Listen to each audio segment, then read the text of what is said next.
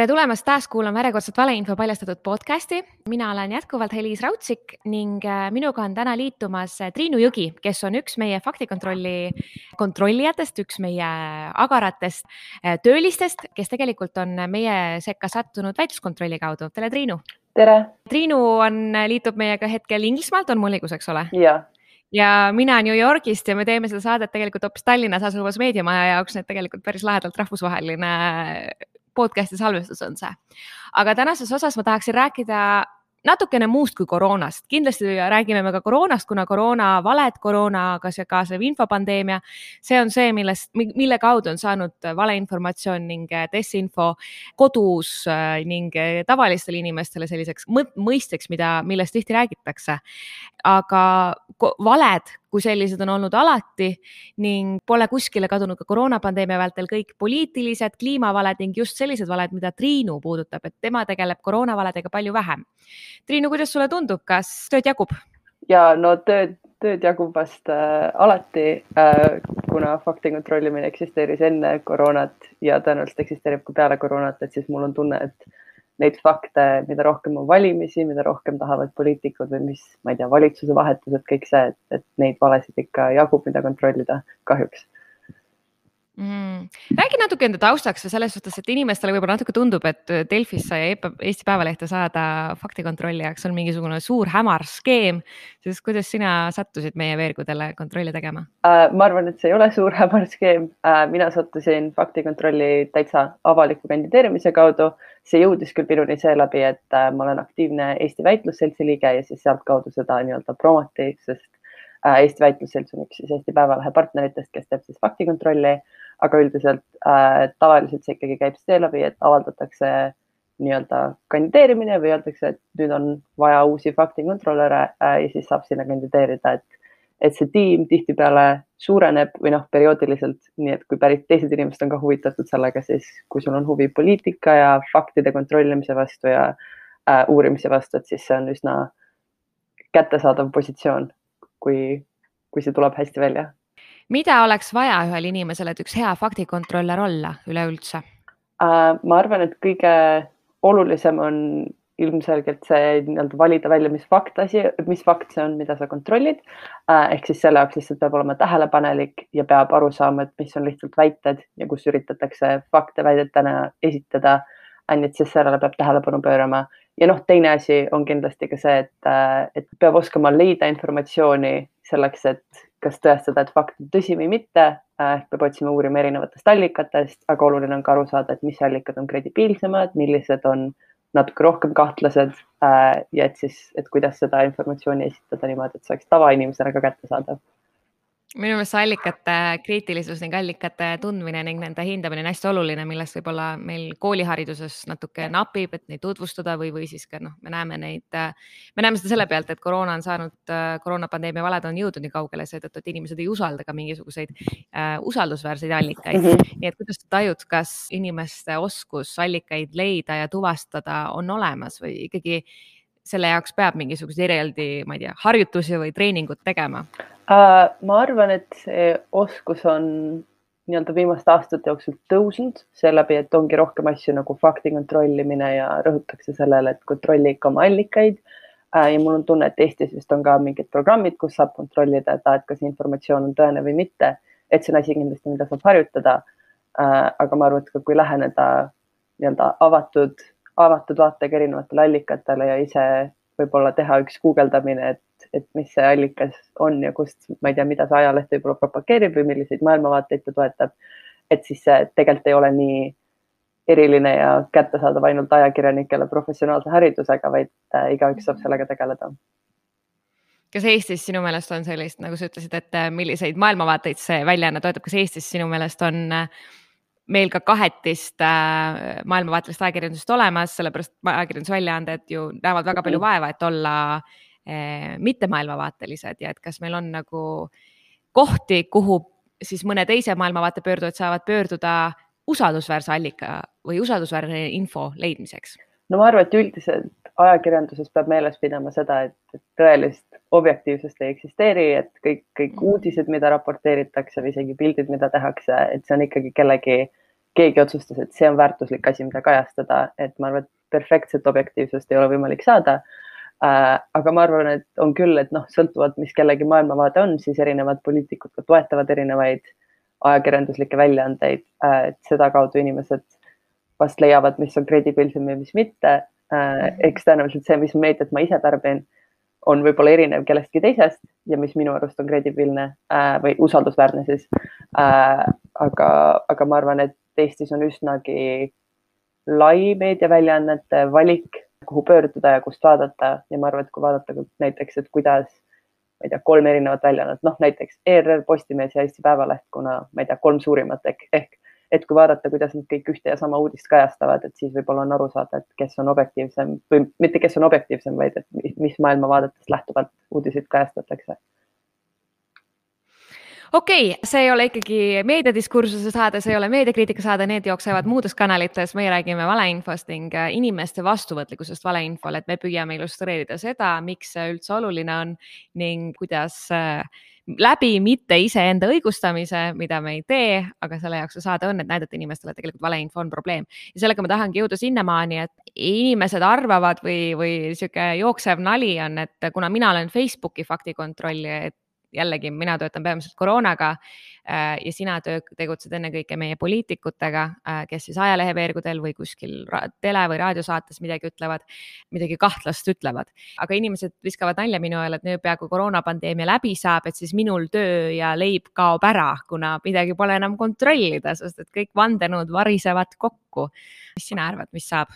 ma arvan, et töö meil otsa ei saa ma arvan, et mida rohkem tuleb uusi valimisi äh,, mida rohkem, ma ei tea, poliitikud tahavad ikkagi ka peale koroonat olla meedias olulisel kohal ja rääkida asjadest, siis kahjuks ma kardan, et valetamine ei kao kuhugi ära. ma arvan, et isegi ka Facebookis, et, et kui koroona vandenõuteooriad kaovad ära, siis kõiksugused teistsugused vandenõuteooriad jäävad alles äh, ja need eksisteerisid ka enne koroonat äh,. et kahjuks ma arvan, et meie töö jääb endiselt väga oluliseks, äh, et üritada inimestele selgitada või vähemalt näidata mingi piirini, et kõik, mida sa loed, ei pruugi olla tõene. kas faktikontroll on väärtus iseenesest või sellele peaks midagi lisaks käima, et nende valedega tegelikult võidelda? ma arvan, et osaliselt see on kindlasti väärtus iseenesest äh,. mida ma sellega mõtlen, on siis see, et ma arvan, et esiteks see paneb poliitikuid rohkem mõtlema selle üle, et mida nemad peaksid äh, mida nemad saavad välja öelda, et kui sul ongi aktiivne fakti kontrollimise ühiskond olemas või vähemalt selline norm, siis poliitikud, ma arvan, et mul on tunne, et vähemalt on vähemaks läinud see, et sa saad väga julgelt valetada täiesti, täiesti suvaliste asjade kohta ja loota, et see läheb läbi, et ma arvan, et selles osas on väärtus iseenesest. küll aga ma arvan, et mingi piirini valetamine vähemalt poliitilisel tasandil jääb alles, et võib-olla faktikontroll üksinda ei päästa maailma ja ei muuda poliitikat täiesti ausaks ja valevabaks et võib-olla mõnikord on vaja ka mingeid teistsuguseid meetmeid, vähemalt mingit normimuutust. et üksinda sa vast ei päästa. siin me jõuamegi võib-olla selle saate ivani ja kõige huvitavama kohani kuulajani, et äh, miks sinu meelest poliitikud valetavad? ma arvan, et poliitikud valetavad erinevatel põhjustel, ma arvan, et mõnikord see on kindlasti nii-öelda valekommunikatsioon või segane kommunikatsioon nende enda tiimide vahel ja kõik see ja väikesed nii-öelda faktivaled, aga see on ka see asi, mida faktikontroll üritab mitte kontrollida. et kui on lihtsalt tekkinud nii-öelda segadus ja tegelikult poliitikud ei mõelnud seda nii, nagu nad ütlesid, siis seda me üritame ka mitte kontrollida. küll aga ma arvan, et paljud teevad seda ka või vähemalt esitavad fakte segases keskkonnas või kuidagi niimoodi, et nad faktid esindavad mingit eksitavat maailmavaadet või arvamust äh, siis seda kasutatakse ikkagi ära enda poliitiliste eesmärkide saavutamiseks äh, ja selleks, et oma valijad ikkagi jääksid oma valijateks äh,. ja ma arvan, et see on see nii-öelda probleemne koht, kus üritatakse manipuleerida inimeste arusaamaga, sest mingi piirini mul on tunne, et eksisteerib ka nii-öelda keskmises inimeses mingi usk, et poliitikud ju tegelikult vähemalt sinu lemmikpoliitik ju ilmselgelt räägib tõtt. ta tahab sinule kõige paremat, miks ta peaks mulle valetama siis inimesed ka tihtipeale ei lähe ise kontrollima neid asju ja lihtsalt usuvad, mida teksti sees öeldakse. aga ma arvan, et kui sa ka pikas artiklis loed ja seal on kolm fakti, mis tegelikult ei ole tõesed, äh, siis sa isegi ei märka seda, aga need nii-öelda märkamatult muudavad sinu arvamust mingite fenomenide suhtes meie ühiskonnas, siis see on väga efektiivne viis, kuidas ma arvan, poliitikud saavad enda kasuks mingeid mm -hmm. teemasid ära kasutada ma praegu natuke sinu juttu kuulates tunnen seda jõuetust, mida paljud, tõenäoliselt paljudes peredes täna tuntakse oma vanavanemate osas või siis teistpidi, et vanavanemad tunnevad oma laste osas, kuivõrd äh, need koroonavaled on ka sellised, et see hakkab väikestest asjadest, mis sinu maailmapilti muudab, nagu sa just ütlesid, poliitiliste arvamuste kohta. Ja siis see kasvab selliseks suuremaks sassis lõngakeraks lahti, aga mis nende poliitiliste teaduslike valede tuvastamist eristab, on see, et teadusel on ikkagi nagu üks keel, aga poliitilisel maailmavaatel on äh, mitmeid keeli ja erinevaid, äh, erinevad arvamused ongi lubatud ja erinevad arvamused viivadki meie poliitilist debatti, meie demokraatlikku ühiskonda ju edasi. aga kuivõrd lihtsalt sinna sisse võib eksida fakte, siis on neid väga raske tuvastada, neid veel enam nagu edasi kanda kuhu ma tahan sellega jõuda, on see, et kuna koroona tõttu on paljud hakanud kodustes, kõigepealt hakkasid kõik koduseks viroloogiks, kõik hakkasid tuvastama neid numbreid, Terviseameti statistikat vaatama, mis see tähendab, kuidas saab, kuidas koroona levib, siis hakkasid kõik kodusteks äh, maski fännideks ja sõimasid riiki selle eest, et maskid veel kohustuslikud ei olnud, siis kui riik need kunagi tegi kohustuslikuks, siis hakkasid kõik nüüd need päriselt vandenõusid levitama, et maskid on halvad, sest et riik käseb seda teha, et noh, see on niisugune hästi vastuoluline mm -hmm. protsess. aga kogu selle vältel on just kodudes äh, mingid inimesed, kes on mitte kunagi pole huvi tundnud valeinfo, fakti kontrolli, mingi selliste teemade vastu, on hakanud pidama seda hästi oluliseks ja on hakanud seda ise tegema. noh, ma näen, mu sotsiaalmeedia seinad, Twitterid, kõik kohad on täis seda kuidas inimesed ise kontrollivad, toovad mingisuguseid fakte, äh, lükkavad oma vanavanemate, oma emade-isade või oma laste arvamusi Facebooki kommentaarides ümber mingisuguste väga selliste süvateaduslike uuringutega, mida nad siis loevad. Ja minu arust on see hästi lahe, et inimesed ennast kurssi viivad kõikides nendes mm -hmm. etappides. On minu arust lahe, et inimesed küsivadki rohkem küsimusi, et see vandenõuteoreetiline nagu alus, et küsimusi ei või küsida, ei küsige, küsige, aga nagu leidke neile õigeid nagu teaduslikult põhistatud vastuseid, mitte selliseid uhhuud, nagu tihti, tihti need vastused jõuavad. mis sa arvad, kas inimeste nagu, kuna me läheneme KOV valimistele sel sügisel, mis ja presidendivalimistele ka, mis sa arvad, kas KOV valimiste ajal inimesed on kuidagi võib-olla kriitilisemad või natukene teravamad kõige selle äh, jah, kuidas ma ütlen, mulli osas, mis poliitikute suust mitte veel ei tule, aga varsti hakkab tulema, et kas nad kuidagi mm, võtavad neid rohkem liistule, nii nagu nad praegu on juba teevad oma vanavanemate või oma perekonnaliikmetega või sõpradega, et kas poliitikud võivad natukene nagu karmimat kohtlemist eeldada sel sügisel? no ma ei oska nüüd öelda, aga ma tahaksin loota küll, ma arvan, et, et ilmselgelt see koroona koroonafaktide ümberlükkamine ja kõik see on väga lihtsasti motiveeritud sellest, et ega keegi ju tegelikult ei taha oma lähedasi kaotada, kõik tahavad, et nende pered oleksid turvalised ja terved. Äh, ja siis on ka väga lihtne, et, äh, et inimesed tahavad kontrollida, mida neile öeldakse ja aru saada, et mis on see tõde. ma arvan, et mingi piirini võib-olla see, et sa oled, kui inimesed juba harjuvad ära sellega, et võib-olla kõik see, mida poliitikud mulle varem on rääkinud, ei olnud tõde, sest et neil oli endal suurem motivatsioon välja hankida see päris informatsioon et siis võib-olla lihtsalt see harjumus seda teha on asi, mis võib tõesti aidata ka nii-öelda KOV-valimiste ajal äh, või, või muudes poliitilistes situatsioonides inimesi panna natuke kriitilisemalt mõtlema, et, et, et kui midagi muud, siis vähemalt koroona pani inimesi kahtlema, et kas poliitikud alati räägivad neile tõtt. siin ma tahaksin kindlasti ära märkida, et ma arvan, et see ei tähenda, et me peaksime alati minema kõikide poliitikute juurde ja ütlema neile, et nad valetavad. ma arvan, et enamus poliitikuid, kui mitte kõik, pahatahtlikult ei hakka valetama ja ei ütle lihtsalt asju. Aga ma arvan, et see kriitilisus või vähemalt see, et sa mõtled läbi, mis informatsiooni sulle edastatakse, on natukene tugevamaks läinud, sest et on väga tugev nii-öelda personaalne side tekkinud selle informatsiooniga, sest et see on väga oluline meie igapäevaelus, et mis need regulatsioonid on või kuidas riigid käituvad äh,. ja noh, eriti kui Eesti on saanud maailma tippu koroonajuhtumitega äh,, et siis võib-olla inimeste kriitilisus on küll tõusnud mm. -hmm. ma tahaksin siit jõuda selleni, et kuidas sind koheldud on faktikontrollijana? kas sa oled ise ka mingisuguseid äh, tagasisidet saanud nii-öelda siis, ma ei teagi, kuidas seda nimetada, vastaspoole uskujatelt või truudelt jälgijatelt, kes ütlevad, et äh, kuigi sina ütled vale, siis sina eksid, sina oled loll, sina oled tegelikult äh, see marionett. jah, kindlasti, ma arvan, et äh, eks igaüks enam-vähem teab, et kuidas, ma ei tea, Facebooki või ma ei tea, Päevalehe komment-, anonüümsed kommentaarid välja näevad Äh, ma väga ei kipu neid lugema, sest et need on väga harvasisulised ja väga tihti lihtsalt isiklikud rünnakud. Äh, ja seetõttu ma arvan, et see ei anna mulle midagi juurde, et ma sellega nii-öelda kokku puutun. aga ma arvan, et kindlasti faktikontrollis on see mure, et näida neutraalne, sest et meie eesmärk ei ole lihtsalt ühe poole poliitikuid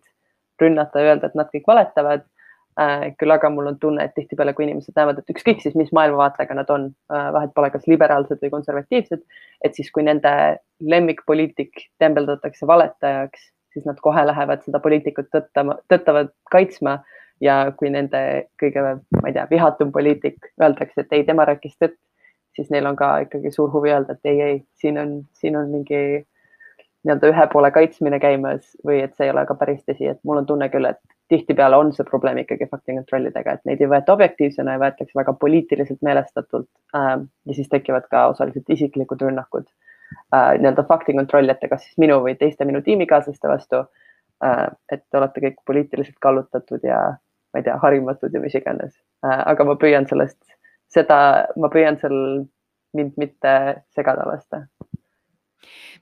no aga see viitab väga sellisele huvitavale nagu vastuolule, et ka kas poliitilises kontrollis või ka inimeste eelduses oma poliitikutele, enne kui neile faktikontrolli tegema minnakse, et selle debati ajal, kuna sa oled väitleja ja sa oled selles, oskad äh, väga hästi argumenteerida ilma emotsioonideta, aga samas poliitilise debati ajal mulle tundub, et emotsioone ei saa sealt üldse välja võtta, et tihti meie maailmavaated ju kujunevadki. mina tunnen, et mulle see ei meeldi ja seal ei olegi see põhistatus võib-olla nii isegi äkki see ei olegi oluline, et kas see emotsioonidest peaks siis lõpuni keelduma või kas teist saab emotsioone üldse välja võtta sellisest debatist, kus, kus, kus, kus noh, vastu rünnatakse sind ka, aga see ei ole siinkohal oluline, oluline on see, et kas see valija, see, kes iganes loeb seda teksti, et kas ta, kuidas ta saab emotsioonid välja lülitada või kas ta, jah, kas ta peabki seda tegema üleüldse? ma arvan, et täitsa emotsioone välja lülitada ei saa. ma arvan, et sellepärast meie demokraatlikud ja mitu parteid ongi hea, et inimeste väärtused kujunevad välja väga erinevatel kogemustel, mis nad oma elus omavad äh, ja need kõik on iseenesest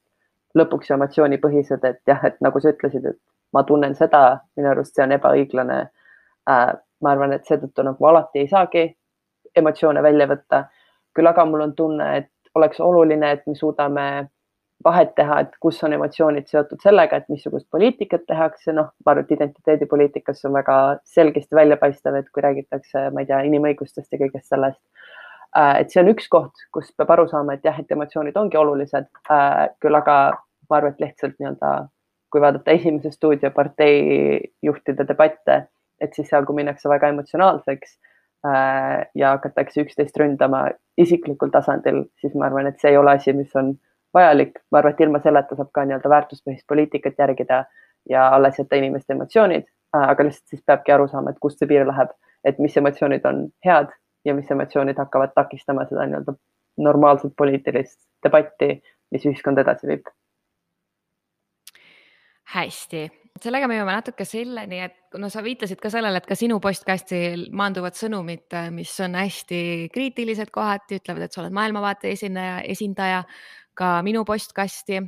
aga noh, eks see ongi niisugune pisut tööga kaasas käiv kohustus, aga noh, sellel on ka mingid piirid, et asi ei tohi minna isiklikuks või üdini solvavaks. et äh, siinkohal on oluline öelda, et igasugust kriitikat meie faktikontrollide kohta me võtame jätkuvalt vastu faktikontroll.tpl.ee mm -hmm. et ma olen oma Facebooki seinal isiklikult neid lahendanud, aga, aga ma arvan, et see ei ole õige koht, kus adresseerida mingisuguseid maailmavaatelisi küsimusi nagu enne ma juba rääkisin, siis paljud äh,, ma tõesti imetlen neid inimesi, kes viitsivad tegeleda oma vabast ajast äh, Facebooki seintel oma tuttavatele, lähedastele kontrollide tegemisega. aga noh, samal ajal seal on teaduslik tõestus, et äh, et reageerimine nende faktide kahtlusele seadma, olgu see siis kas poliitiline mingisugune demagoogia, kuhu sisse on peidetud valed faktid või on see koroonavaled, et nendele reageerimine on hästi oluline siinkohal minu nõuanded äh,, täpselt reageerida neile mingisuguste emoji dega, näiteks Facebook pakub võrratuid nutu ja naeru ja, ja, ja, ja südame ja mis oleks väga sarkastiline või mis see on, vihane äh,, vihased emojisid. Neile öelda kasvõi Facebooki kommentaaris, et see ei ole vale ja miks oluline on see, et lihtsalt sa reageerid, et sa ei jäta neid sinna kõlakotta sisse, kus äh, nende maailmavaade, nende vale, mida nad usuvad, muutub äh, fundamentaalsemaks ning ta kinnistub neile läbi aja ma tean paari näidet, kus on tehtud äh, teised kontod ja siis äh, Facebookis nii-öelda trollitakse vastu, kuna see koroonavalede levitamine tundub trolliarmee ja ma räägin, mida enam lähedamale jõuame KOV valimistele, naaseb see poliitiline trollimine ka sinna mängu, et hetkel on see pildilt väljas, aga ta on seal, et Päevalehe veergudel juba võib näha mingisuguseid poliitkolumniste, kes äh, viitavad sellele, kuidas, kuidas elu Jüris või Türil või Kohilas paremaks teha läbi valede. milline on see sinu soovitus, et kõige selle keskel, mis tundub lõhestav, et see ei tundu lõhestav ainult vastaspoolele, ütleme jutumärkides vastaspoolele. kuidas see iseenda vaimu ja iseenda suhtumist sellesse maailma ikkagi positiivsena hoida ning püsida nagu ähm, jah, optimistlik kõige selle sees, et mulle tundub, et inimesed ka, kes on lihtsalt Facebooki kasutajad, lihtsalt eestlased, kes on kõikide nende koroonavalede sisse sisse tõmmatud, nad ei usu nendesse, aga nad on lihtsalt nii väsinud nendest ja toimubki see lõhestamine, millest me räägime nii teravalt ja oleme varasemalt rääkinud lihtsalt poliitilises debatis, et kas selle vastu üldse on rohtu sinu meelest? see on no. nüüd nii suur küsimus jah äh,, esimese asjana ma kindlasti tahaks öelda, et ma tean, kui raske see on eks ma ka ikka üritan oma sõprade või pereringis või kus iganes tegeleda sellega, et inimeste valearusaamasid või fakte ümber lükata, kui ma tean, et need ei ole tõesed. Äh, ja see on emotsionaalselt väga-väga väsitav tegevus, nii et äh, esiteks ma arvan, et kõik, kes seda teevad, väärivad väga suurt austust ja aplausi. ma arvan, et kuidas sellega peale hakata või kuidas sellega nii-öelda hakkama saada, ma arvan, et kõige olulisem asi selle nii-öelda lõhestava ühiskonna vastu võitlemiseks on võib-olla esiteks peab alati aru saama, et kas vastaspool üldse on või, võimeline sind kuulama. ma arvan, et see ei juhtu kunagi, kui sa hakkad vastast naeruvääristama äh,. aga kui vähemalt mingidki diskussioonid saavad eksisteerida ja su vastaspooled on nõus midagi kuulama, siis ma arvan, et lihtsalt seegi, et, et kuidas ennast säästa selles situatsioonis, saabki alati, ma ei tea, saata artikleid usaldusväärsetest allikatest või teadlastelt või mis iganes, siis otseselt see nii-öelda koorem tegeleda valeinfoga ei pea langema inimesele endale, vaid saab seda kuidagi ümber suunata. aga ma arvan, et teine asi ka, et kuidas püsida optimistlik selle juures.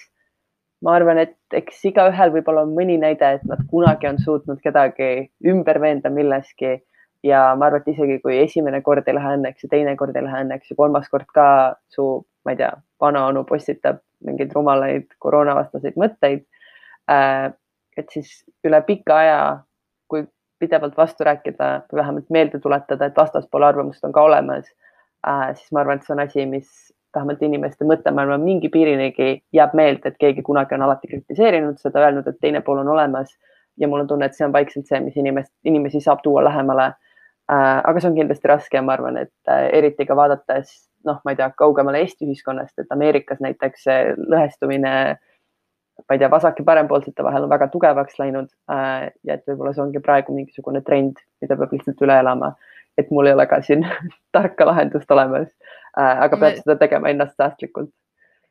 ma siia torkan lihtsalt vahele, võib-olla natuke vähem seotuna, aga lihtsalt hästi huvitav vestlus oli mul hiljuti ühe Ameerika ajakirjanikuga, kes viitas sellele, et et siin New Yorgis äh, liberaalsel inimesel on vähem ühist kuskil konservatiivses osariigis tegutseva inimesega kui mõne eurooplasega. minu meelest see on midagi sellist, kui natuke selle peale mõelda, et see on hästi mm -hmm. äh, õudne, et äh, oma riigikaaslastel, kes on patriootlikud ameeriklased, et nad tunnevad, et nad on nii lõhki läinud, nende arusaamad on nii erinevad mm -hmm. ja tihti need arusaamad kujunevad mõlemal poolel mingitele väärarusaamadele või mingitele mm -hmm väärväidetele, äh, et nii ekstreemseks saavad kasvada, sellepärast et kuskil see tõde on ju keskel, nagu ikka öeldakse yeah.. aga see selleks, äh, lõhestamise juures räägitakse hästi palju ka sellest, et lõhestajaid tuleb karistada. Äh, meil on siin mõned tegelased praegult Riigikogu ees ka protestimas juba päevi. kas sinu meelest peaks karistama valede levitajaid? ma arvan, et see on huvitav küsimus ma ei tea ka, mis siin see õige teaduslik vastus või kas isegi eksisteerib õige teaduslik vastus, aga ma arvan, et mingi piirini kindlasti see oleks mõistlik, sest tihtipeale valeinformatsiooni levitamine võib ikkagi viia väga halbadesse tagajärgedesse. ma arvan, et praegu ongi huvitav näide USA endise presidendi äh,, ma ei tea, kriminaal, kriminaaljuhtum, mis praegu Ameerikas käib, et kas äh, tema valeinfo levitamisel olid päriselt vägivaldsed tagajärjed ma arvan, et mida ekstreemsemaks tagajärjed muutuvad, siis seda olulisem on see, et seda takistataks ja oleks selged piirid, kust üle ei või minna äh,. küll aga ma arvan, et on ka oluline ära märkida, et, et alati see valetamine ei ole ka tahtlik ja kui on tugevad karistused kõigele, et siis see on ka kindlasti takistab poliitilist debatti ja võib-olla on ka sõnavabaduse piiridel, hakkab rõhuma sõnavabaduse piiridele, mistõttu see nii-öelda piir peab minu arust olema üsna selge ja minu isiklik arvamus on see, et, lihtsalt inimesed ise peaksid olema rohkem valvsad selle suhtes ja lihtsalt kõige, kõige hullematele valetamistele peaks olema mingid karistused. mul on tunne, et teisi lahendusi on väga raske demokraatlikult ellu viia, kahjuks. seega soga ajajad saavad soga edasi ajada jah mingi piirini kindlasti see on võib-olla tõsi, aga ma tahaksin ka loota, et kui sellised organisatsioonid nagu Faktikontroll, kas siis Facebookis või Päevalehes või Postimehes või kus iganes eksisteerivad, siis lihtsalt need inimesed, kes süstemaatiliselt valetavad oma valijaskonnale, aga kõikidele teistele, et siis järgmistel kordadel nad enam valitsusse ei pääse, sest inimesed ei saa neid usaldada. et ma mingi piirini tahaks loota, et siin on ka nii-öelda naturaalne kontroll inimeste valetamisel kui mm, -hmm, see, kui kaua sa ikka saad seda võtta. ja, ja, ja see on selles suhtes hästi huvitav, et sa nii ütled või nagu see lõpetab ka selle saate hästi ilusal noodil, et, et lõppkokkuvõttes demokraatlikus riigis on valijate käes see õigus, et kaua valesid tolereerida, et see viib selle kaugemale natukene, et valimised näitavad siis, mis saab.